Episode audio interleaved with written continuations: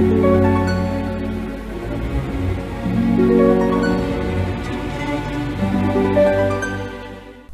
Sagittarius, saya nama Madam Aza. Kita bacakan sekarang kartu tarotnya. Yang pertama untuk karir, bisnis, peruntungan, ataupun finansial Sagittarius. Kartu yang keluar adalah kartu Chariot. Ini menunjukkan diperlukan keseimbangan gitu karena tujuan yang hendak dicapai jauh. Kartu Chariot ini adalah tentang kereta yang membawa kita sampai ke tujuan. Biasanya ini ngomongin tentang masalah beban, masalah capek gitu ya, masalah jauh gitu. Aduh madam karir saya ini kok kayaknya nggak ke mana-mana ya nggak nyampe ke mana-mana. Itu kan kamu ngelihatnya karena kamu ada di dalamnya. Seandainya kamu lima tahun yang lalu 10 tahun yang lalu ngeliat kamu yang sekarang tuh insya Allah akan bangga. Wah hebat sudah bisa sampai seperti ini. Tepok-tepok gitu ya. Terima kasih. Aduh goyang maaf.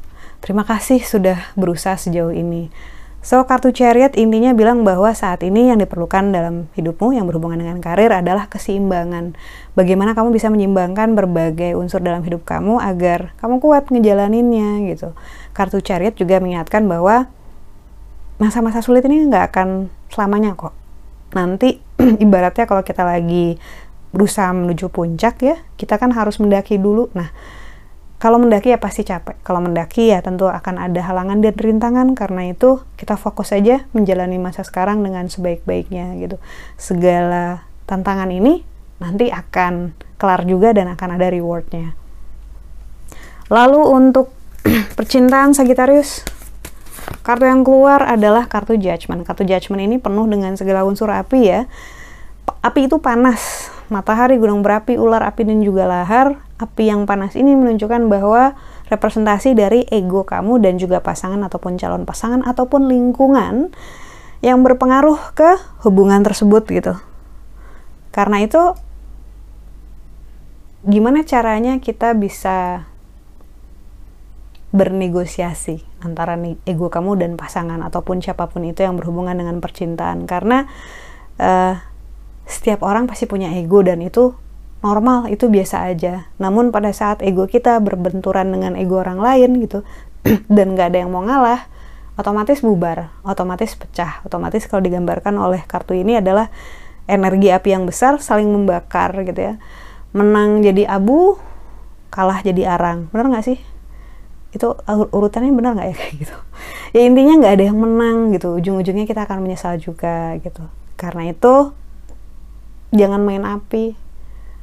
Kalau main air boleh nggak ya? Yaudah jangan main api. Kita fokus aja untuk feel good do good say good thing gitu. Kalau misalnya belum belum saatnya untuk kita berkomunikasi karena kita masih kesel masih marah masih capek ya jangan dulu. Tenangkan diri, diri dulu tapi ya jangan ngilang jangan ghosting. Dibilang sama pasangan nanti ya aku mau menenangkan diri dulu atau aku mau mikirin dulu nanti kita bahas lagi ya gitu.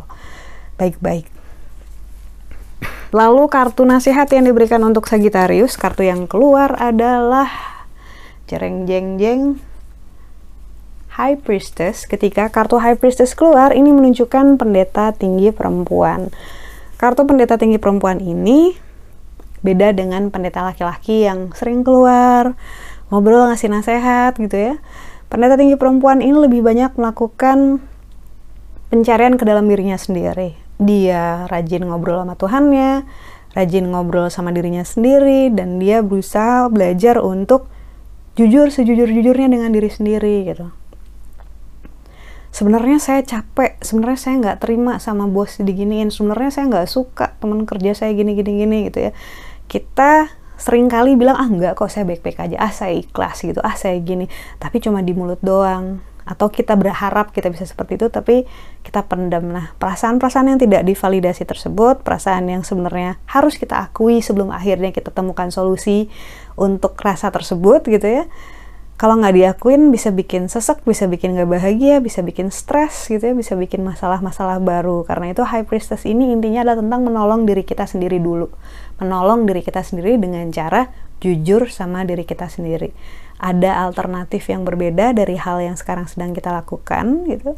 Cara handling hidup kita sendiri gitu ya. Kartu high priestess mengingatkan kita tentang hal tersebut. Tandanya ada yang harus diubah. Karena kamu bisa lebih bahagia lagi, kamu bisa lebih ringan lagi melangkah kalau kamu bisa jujur sama diri kamu sendiri, nggak denial dengan masalah ataupun perasaan yang sedang kamu alami.